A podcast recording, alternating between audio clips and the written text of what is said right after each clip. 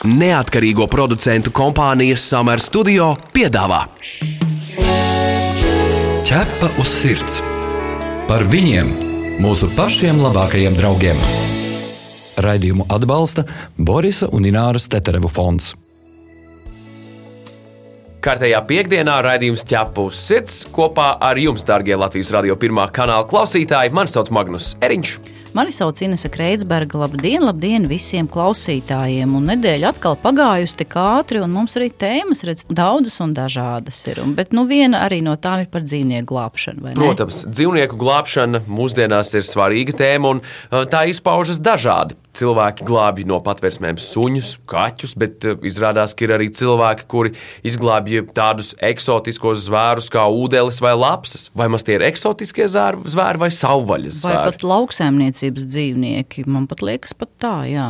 Jā, redz, nu, ūdenis vai lapsas tam iespējams bija nolemts kažokādas zvēru liktenis vai ģērētava. Nu, būsim, jā, skarbi teikt, bet faktiski tie ir izglābti dzīvnieki no fermām, no dzīvnieku fermām, kuriem dzīvniekiem novēl kādas un taisa dažādus kažociņus. Ja? Un ir tādi cilvēki, kas glābj, viņiem ir izdevies izglābt dažus no šiem zvēriem.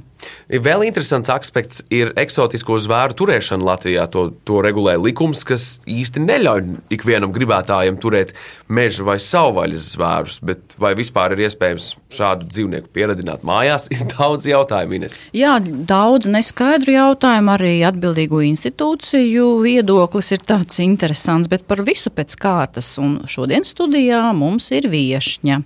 Pie mums ciemos ir Anna Radvīnska. Sveika, Anna! Sveika! Anna mums ir cilvēks, kura ir izglābusi ūdeles. Tātad viņai ir vairākas ūdeles, kas ir izglābtas no dzīvnieku, nu, teiksim, no drošas nāves. Un, un dzīvnieku fermas, tā jā, varētu teikt. Jā. Dzīvnieku ferma, kurā būtu pilnīgi skaidrs, ka tā ūdens nomirs necilvēcīgos apstākļos un tiks pataisīta par daļu no kažoka, ko kāds nesās. Tieši tā. Un pirms mēs uh, uzklausīsim Annas stāstu, un arī mums ir daudz jautājumu, noklausīsimies mūsu kolēģis Jānis Vītoliņas sagatavoto sižetu. Ja tavs sirds skaidro faktus. Nereti privātmājās, meža tuvumā vai lauku mājās saimniekiem jāsastopas ar situāciju, ka pagalmā pieklīst kāds savvaļas dzīvnieks - ūdenis, sasks, lapsa. Turklāt, ja zvēriņš ievainots, cilvēki jūt sevī aicinājumu dot viņiem pajumti un izārstēt šo nelaimē nonākušo dzīvo radību. Ja par savām mājām jūsu šķūnīti, pagrabu vai kūti izvēlējies kāds savvaļas dzīvnieks, jāpaturprātā, ka tas ir un paliek savvaļas dzīvnieks, skaidro pārtikas un veterinārā dienesta pārstāvis Mārtiņš Seržants. Nevajadzētu speciāli cilvēkam censties viņu iejaukties dabas likumos un mēģināt viņu domestificēt, ja tā varētu izteikties. Jo, nu, nevelti, protams, uz ziemu varbūt šāds, šādas situācijas notiek biežāk, ka varbūt arī saules dzīvnieki meklē sev tuvāk, labākus apstākļus, kaut kādas klētis, kūtis vai, vai, vai varbūt pagrabus, kur ir siltāks, arī cilvēku tūms diezgan bieži nozīmē arī vieglāk iegūstamu pārtiku. Gan tad, ja dzīvnieks nolēmis palikt cilvēka mājoklī, gan tad, ja ir savainots un viņam nepieciešama palīdzība, ir jāvēršas pie vietējām varas iestādēm. Ja iedzīvotāji mēģinās pašrocīgi sadakterēt dzīvnieciņu, tas var beigties bēdīgi. Zvērs var cilvēku sakost un inficēt ar kādu no slimībām. Turpina Mārtiņš Serežants ja jums šķūnītī ir sesks vai lapsa, kura tur iemitinājusies, un jūs saprotat, ka jums ar viņu kādā brīdī var iznākt konflikts par īpašumu, tad risinājums tieši šāds. Jūs griežaties pie pašvaldības, un pašvaldībai šo jautājumu vajadzētu risināt. Un pašvaldības lielākoties ir noslēgušas līgumu ar dzīvnieku ķērājiem un patversmēm, kuri arī šo darbu var veikt. Jo nu, tiešām ir diezgan bieži arī mūsdienas saņem ziņas par to, ka ir kaut kāds dzīvnieks, kuru tagad kaut ko mēs esam izdarījuši, un tagad brauciet, paņemiet viņu.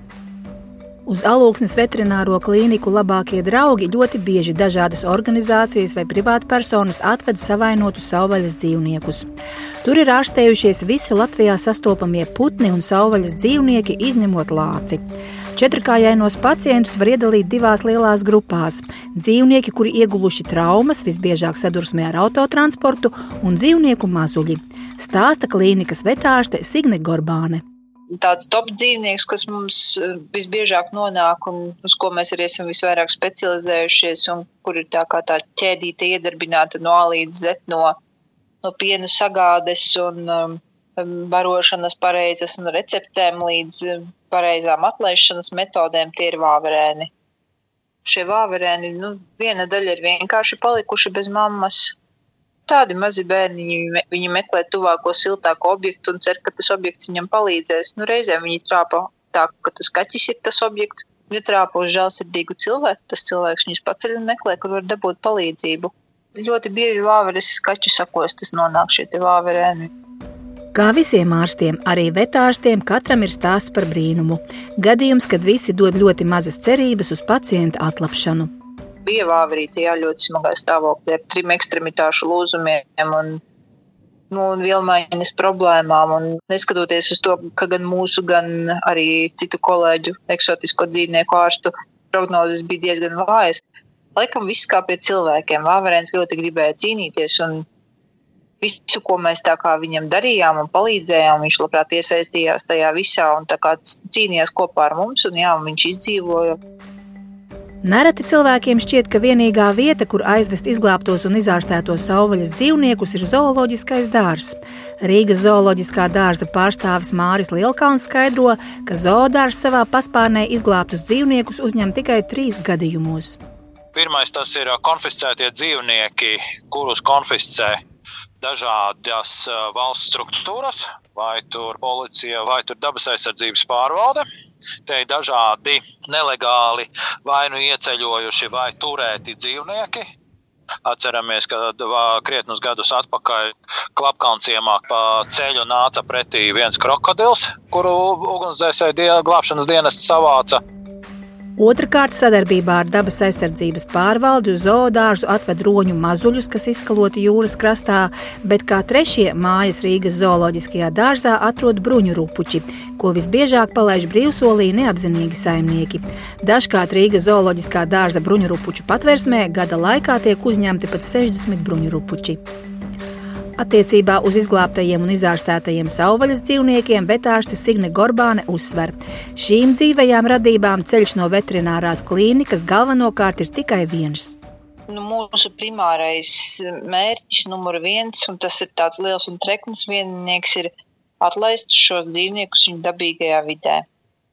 Tas ir mērķis, uz ko mēs ejam visintensīvāk, ka dzīvniekam ir jāatgriežas tur, kur viņš ir dzīvojis ķerpa uz sirds, diskutē. Nu, jā, kā mēs dzirdējām, atbildīgās iestādes īsti nav ieinteresētas savvaļas dzīvnieku glābšanā, norāda faktus kā dabiska atlase, trakumsērga, citu slimību draudi. Arī redz Rīgas zodārs neuzņem šādus dzīvniekus un pat nepaskaidrojot, kāpēc neuzņem un viss.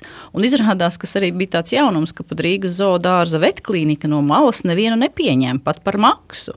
Tā kā sanāk, ka glābšanas darbi ir pašu glābēju rokās. Un tad jautājums uzreiz Annai, um, cik sen tu vispār glābi šāda veida varbūt dzīvniekus? Nu, mana pirmā dzīves pieredze sākās desmit gadu aptuveni atpakaļ, kad es izglābu pirmās trīs ūdeles no zvēra audzētavas. Tās nomainīja nākamās ūdeles. Jau pagājuši pieci gadi kopš pēdējām ūdelēm, ko es biju izglābusi no zvēra audzētavas. Nu, tagad man dzīvo divas ūdeles, ko es pati personīgi izglābu un audzētavas. Un dzīvo arī ūdeles, kas bija atrastas Latvijas teritorijā nu, novārdzinātas vai nu aizbēgušas, nu, drīzāk aizbēgušas no zvēra audzētavas, un kuras arī nonāca pie manis. Nu, bet sāksim varbūt mazliet man interesē, nu kā, nu tu dzīvo tādu ierastu dzīvi un, un pēkšņi sāc glābt ūdeles. Es drīzāk domāju, vai tā attieksme pret šiem zvēriem tev jau visu laiku tu tā kā interesējies, tu esi no tiem, kas nevalkā kažokus, kā tu varbūt uztvēri jau, jau senāk šos dzīvniekus kā tādus personības varbūt kā? Nu, priekš manis ūdele nav noteikti kažokāds dzīvnieks, jo es uzskatu, ka dzīvnieku audzēšana kažokiem tā ir vecā lieta, vecmodīgā, un šobrīd tas nav aktuāli, kad nav tik augstās ziemas, kad ir nepieciešams kažoks. Un tā ir vairāk kā luksusa prece, kas sevis izrādīšanai. Un man vienmēr patika arī savvaļas dzīvnieki, jau kopš bērnības, un vienmēr gribēs viņiem palīdzēt. Vai tev nāk prātā kāds pārsteidzošākais fakts par šiem dzīvniekiem, ko mēs iespējams pārējie nezinām? Nu, par ūdelēm, kas attiecās, ka tas nav simtprocentīgi pieredzināms dzīvnieks, pat cik viņš nav domestificēts, kā suņi vai kaķi, piemēram. Līdz ar to tur pastāv noteiktas grūtības, lai viņi varētu simtprocentīgi pieredzināt, un viņš nebūs tā, ka suns vai kaķis, kas būs klēpju dzīvnieciņš, kas sēdēs tad, kad saimniekam gribēsies. Bet es gribēju pajautāt, varbūt tīri no praktiskā viedokļa, kā reāli izskatījās tā glābšana? Nu, teiksim, no tām ūdeņiem, kas tev šobrīd ir, kādā veidā viņas nonāca pie tevis? Ir cilvēki, kas ziņo, kad ir jāglābj, vai tu pati interesējies? Uh, nu, es pat arī interesējos, bet ir arī cilvēki, ir grupa Facebook, kas uh, palīdz uh, caurveidīgiem dzīvniekiem vai seskiem uh, atrast, tiem, vai atrast jaunus saimniekus, vai arī palīdzēt izmitināt atrastos dzīvniekus, tādējādi glābjot viņus no nāves uz ielas. Tu teici, ka esi izglābusi vairākas ūdeles tieši no tās pašas fermas. Vai tev bija iespēja izvēlēties, kurus paņemt, vai, vai bija jāņem tas, kurus tu tajā brīdī varēji paņemt? Jo, nu, kā zināms, tas nav nekas neatļauts, ne arī tāds piedāvāts pakalpojums. Vienkārši tev tā, tā sanāca. Nu jā, tad, kad tu esi fermā un esi ienācis iekšā, un tev tāda vēlme radās izglābt visus, bet tu ļoti labi saproti, nu, ka tu nevari tās visas ūdenes izglābt no fermas. Un tad tu skaties, kurš dzīvnieciņš tāpat kā izvēlās suņus, kurš tev vairāk tā patīk un kā pievērš uzmanību tev, jā, kā reaģē uz cilvēku. Un tādā veidā arī izvēlies. Cik bieži tu esi saņēmusi atteikumus šādās reizēs, kad uzrunā tie cilvēki, saka, nē, šis man nedara, šis ir riskanti, vai nav mans ūdens, nav man darīšana? Mm -hmm. 50 uz 50. Aha. Bet es zinu, par ko aizdomājos, ka jūs sakat, ka jūs iegājāt, nu, kā, kurš uzrunā, kurš nē, bet kā tas nabaga dzīvnieks uztver to cilvēku, kas ienācis tur iekšā pēc idejas, viņiem vajadzētu būt tai sajūtai, vai var, ka varbūt nāk viņus tieši tajā brīdī nogalināt. Kā viņi to vispār ir kaut kādas reakcijas Nā, vai, vai tajā, bailes? Jā, tajā brīdī, kad ienāca fermā, tie ir parasti dzīvnieki, kuriem ir apmēram 40 dienas. Un, kā jau ūdens, viņas ir ļoti ziņkārīgas, un viņas pieceļās kājās un skatās, kas tur ir ienācis, kas notiek. Un viņas ar ļoti lielu interesi vēro cilvēkus, jo viņas vēl nav iebiedētas, un viņas diezgan draudzīgi tā skatās un vēro cilvēku. Nu jā, tas, ko mēs zinām, ir tas, ka tiek plānots šobrīd arī skatīt saimā par kažo kādu zvēru fermu aizliekšanu. Es cik saprotu, šis procesā ir, ir, ir, ir projekts. Jā, tas ir procesā. Un uh, fakti ir tādi, ka Latvijā ir visvairāk tieši ūdeļu fermas, pēc tam seko lapsu fermas un izrādās, ka ir arī šinšilu fermas. Šinšila, kas vispār zināms, ir kā pat īsts mājas mīlus, viņš var nodzīvot pat 15, 16 gadus. Tas arī izrādās ir kā ferma, kur arī gatavo šos teiksim, kažokus mēteļiem. Bet man uzreiz ir jautājums, tajā brīdī, kad tas dzīvnieks ir izglābts, ja, kā tu saskāries ar palīdzību no iestādēm, atbildīgām institūcijām, ko tālāk darīt ar šo dzīvnieku, kā viņu kopt, kā varbūt ārstēt, varbūt arī izstāstīt, kāda ir varbūt mūsu institūciju reālā rīcība un reakcija. Nu, reāli, ja ir nepieciešama medicīniskā palīdzība, ūdelē, nu, veterinārā palīdzība. Ir diezgan grūti atrast klīniku, kura būtu ar mieru paņemt un pieņemt savvaļas dzīvniekus ārstēšanai. Tā kā ar to man ir nācies saskarties, jo ne visas klīnikas, kas labprāt pieņem savvaļas dzīvniekus un plēsīgos dzīvniekus, līdz ar to tā ir liela problēma ūdeņu turētājiem. Anna, eksotisko zvēru ārstēšana Latvijā ir visai reta parādība. Un mēs esam dzirdējuši, ka, piemēram, Lauksaimniecības universitātes klīnika atsakās ārstēt savvaļas dzīvniekus un putnus, jo to vienkārši nedrīkst darīt. Un tas jādara privāto klīniku vetārstiem. Bet, kā tu saki, viņi atsakās bieži to darīt. Vai tu redz atrisinājumu šai problēmai? Kas mums būtu jādara, uz ko mums būtu jāskatās, lai, lai, lai šīs lietas mainītos? Nu, es domāju, ka vairāk būtu jāsagatavo speciālisti, kas būtu gatavi palīdzēt ne tikai māju dzīvniekiem, kā suņiem, kaķiem, trušiem, bet arī tādiem dzīvniekiem, nu, kā seski, ūdeles, lapsas, kas ir vairāk vai mazāk skaitās plēsēji dzīvnieki. Un jāatrod tāds speciālists, kas būtu ar mieru. Anna, vai Jā. var arī ieskicēt uh, mums visiem uh, izdevumus saistībā ar, ar šādu zvēru uh, ārstēšanu? Tas ir dārgāk nekā mājas dzīvnieku ārstēšana, vai šīs cenas ļoti atšķiras? Nu, varbūt ne tieši ārstēšana, bet kā vispār tā socializēšana, atvesaļošana. Mm. Jo tu tagad atved to zvēriņu mājās, kāda veida voljērs vai kāda veida aprūpe tev jānodrošina. Nu, tā tad jānodrošina pirmkārt pietiekami liels vai nu voljērs vai liels būris, kurš dzīvnieki justos ļoti ērti un pietiktu tās platības, lai viņš nebūtu nosprostots. Kaut gan es esmu vairāk par brīvu turēšanu, bet drošības ziņā gan priekš pašas ūdens, gan priekš saimnieka labāk viņu turēt, protams, voljērā. Nu, labi, barība, ko ētavas ūdeles, kā tu viņas, teiksim, oh. nu, mantiņas, varbūt pavadā turi. Ūdens ir gaļēdāji dzīvnieki, līdz ar to tiem tiek nodrošināta svaiga gaļa. Tā ka ūdens man ir svaigēdājas visas. Un, uh, Viņu racione ir svaigā gaļa, gan putnu gaļa, gan lielopu gaļa, gan zivis, gan pelītes, gan žurciņas, kā arī cālīši. Labi, nu, un kā vēl, kā viņas jāizklaidē, ir vai viņas o, savā vaļā viņam, draudzēs? Jā, viņam patīk visādas mantiņas, tad viņam ir speciāls tās makšķeres, kas ir zooveikalos nopērkamas. Ar kurām viņi spēlējās. Tad ir visādas mīkstās mantiņas, ar kurām viņas arī ļoti mīl spēlēties. Un tad, attiecīgi, viņam ir gultiņas, katram savs pilventiņš. Un tieši tāpat kā suņi un kaķi, viņiem patīk gan komforts, gan smukās lietas. Atgādinām, ka pie mums šodien studijā ir Anna Radvīnska, un mēs runājam par eksotisku zvēru glābšanu. Šo raidījumu varat arī dzirdēt uh, populārākajās uh, straumēšanas platformās, podkāstu formā, kā arī Latvijas radio arhīvā. Tu pazīsti kādu īpašu dzīvnieku draugu? Tavs kaimiņš vai kolēģis palīdz nelaimē nonākušiem suņiem un kaķiem? Varbūt kāds suns vai kaķis izmainīs tavu pašu dzīvi. Raksti mums, un mēs pastāstīsim šo sirsnīgo stāstu pārējiem klausītājiem. Iedrošināsim arī citus izdarīt kādu labu darbu. Gaidām jūsu vēstuli uz info atķepaus sirds LV. Kā tev šķiet, ūdele ir gudrs dzīvnieks?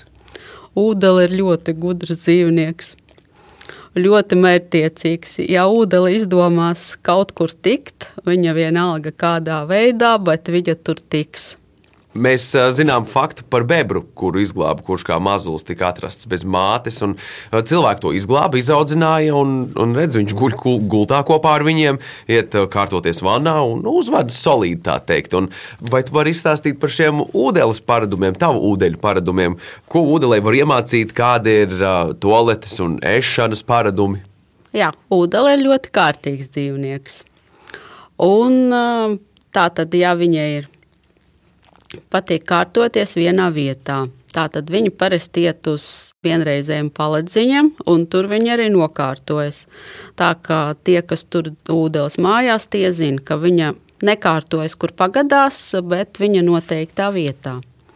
Un tieši tas pats tas attiecās arī uz ēšanu.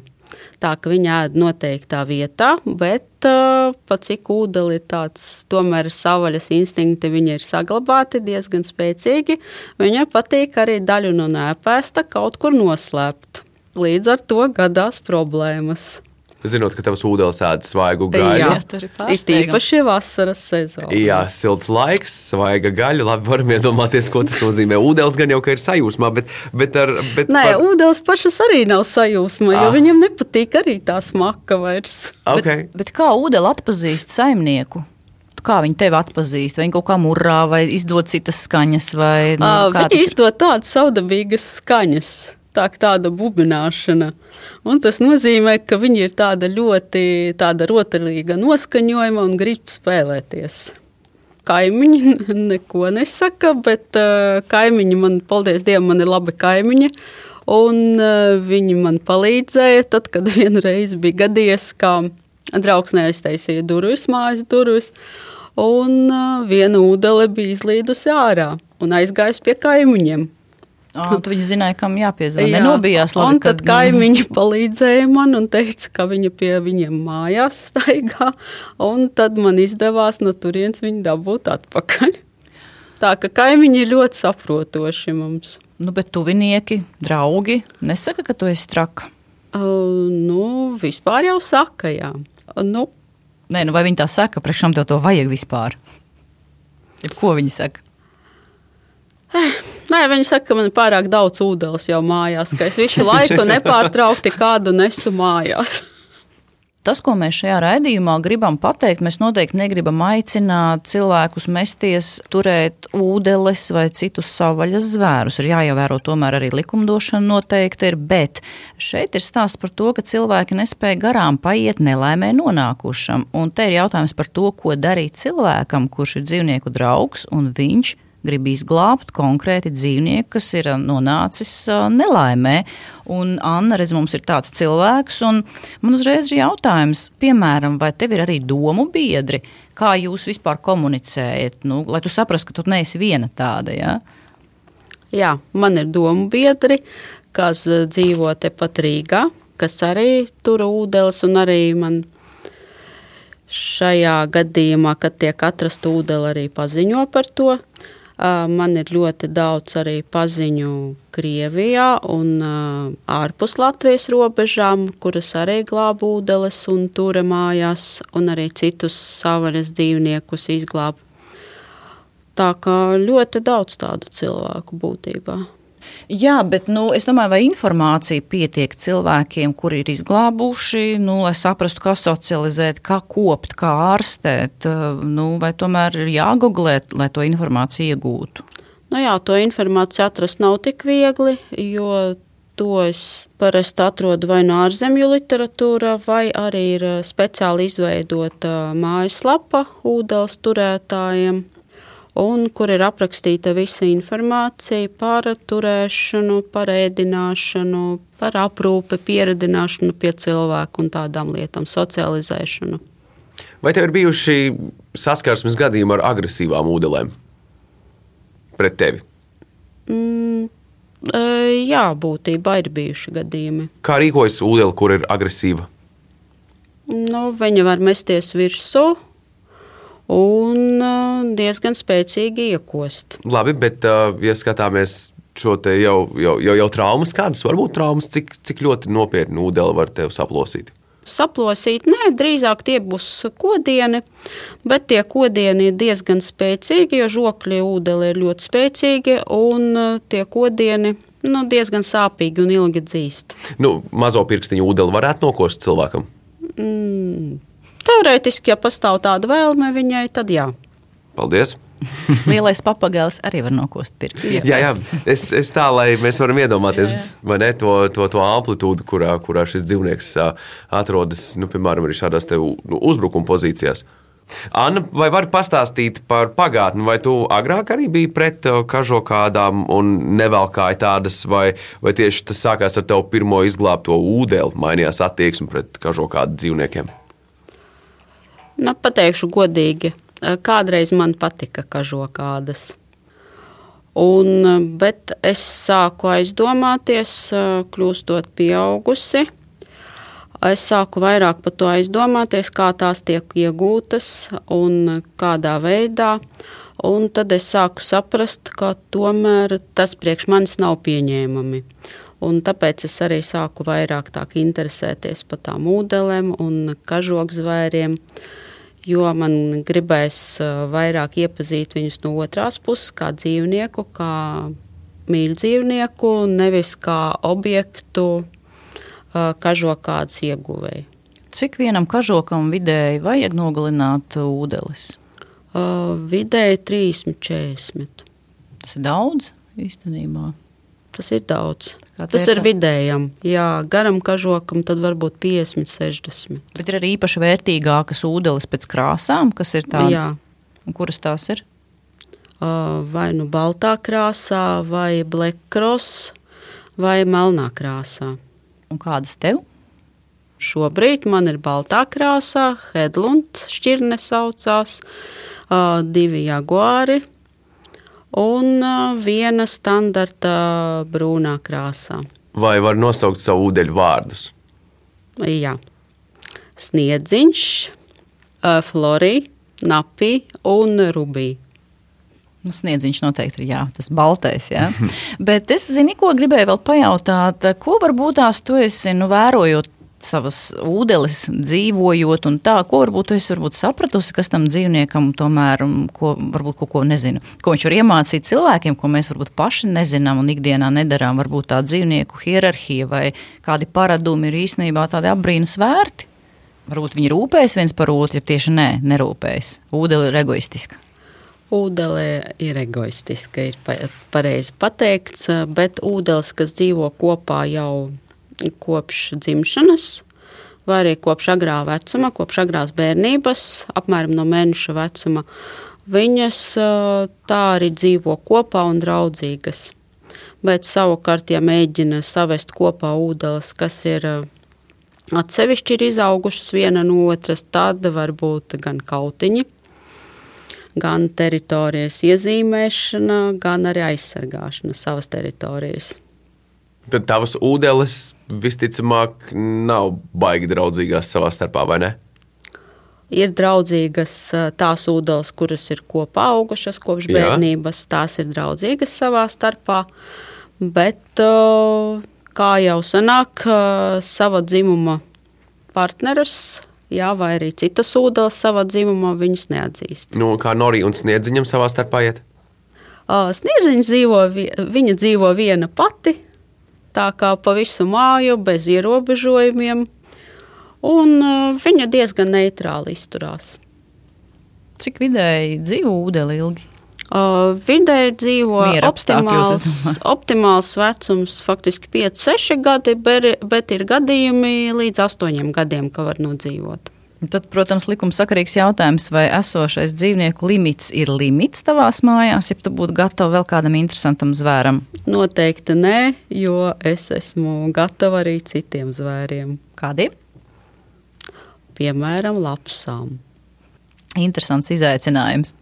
Bet, Magnus, zini, par ko es iedomājos? Kā tev liekas, kāpēc cilvēkiem, nu, viņi, viņi nevar izvēlēties, uz ko viņiem tas klikšķis ir? Ir cilvēki, kuri glābi zirgus, ir cilvēki, kas glābi lielos papagaļus, reku ir cilvēks, kurš ir fokusēts, pats droši vien to nav izvēlējies, lai glābtu tieši tos eksotiskos savvaļas zvērus. Tas ir aicinājums. Aicinājums, ko tikai šie cilvēki arī mums var izskaidrot. Mēs, kas neglābjam, tiešām šādā veidā, kā, kā šie te cilvēki, kas to dara, mums būs grūti saprast vienmēr, bet tāpēc mums ir vajadzīgs veidot šo dialogu, šo sarunu. Mums ir forši, ka mums ir platforma, kurā mēs to varam realizēt. Ā. Lai saprastu viņus vairāk. Anna, kā tev liekas, kāpēc uh, tev šāds aicinājums?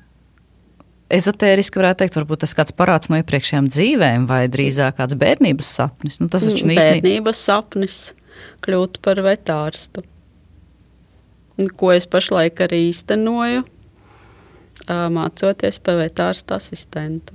O, tas būs tā kā arī specializācija tieši kāda ar No, eksotiskiem plānā zvēriem. ir tālāk iet mācīties arī lauksaimniecības universitāte. Lūk, kā Nu, re, kā, jā, tas tāds cerīgs noslēgums mūsu sarunai. Nu, jā, protams, visu izrunāt mēs nevaram, bet mēs varbūt tās ar to varam likt aizdomāties par to, ka, protams, kad mēs neaicinām cilvēkus turēt savvaļas uh, un lauksaimniecības dzīvniekus, bet mēs aicinām par to, ka cilvēkiem nevajag būt vienaldzīgiem, ja viņi ierauga dzīvnieku, kas ir nonācis nelaimē. Paldies mūsu studijas viesņai. Pie mums šodien studijā bija Anna Radvinska. Paldies, Anna! Paldies! Lai tev un tavām ūdelēm klājas ļoti labi. Jā, paldies! Visur kopā - ķepus sirds. Jā, Magnus, bet ko mēs dzirdēsim nākamajā raidījumā? Nākamajā raidījumā runāsim par majestātiskiem staltiem dzīvniekiem, par zirgiem. Par to, kāpēc barot svešus zirgus ir bīstami. Runāsim arī par, par bailēm un noteikti lietām, kas mums ir jāzina par zirgu labturību. Jā, un vai zirgiem arī salst? Un tādus jautājumus visus noskaidrosim pēc nedēļas. Bet šajā nedēļā tas ir arī viss. Mani sauc Inese Kreitsberga. Mani sauc Magnus Eriņš. Raidījumu veidoja neatkarīgo producentu kompānija Summer Studio. Visu labu! Atā! Ķepa uz sirds! Informatīvi izglītojoši raidījums par dzīvnieku pasauli un cilvēkiem tajā. Raidījumu atbalsta Borisa un Ināras Teterevu fonds.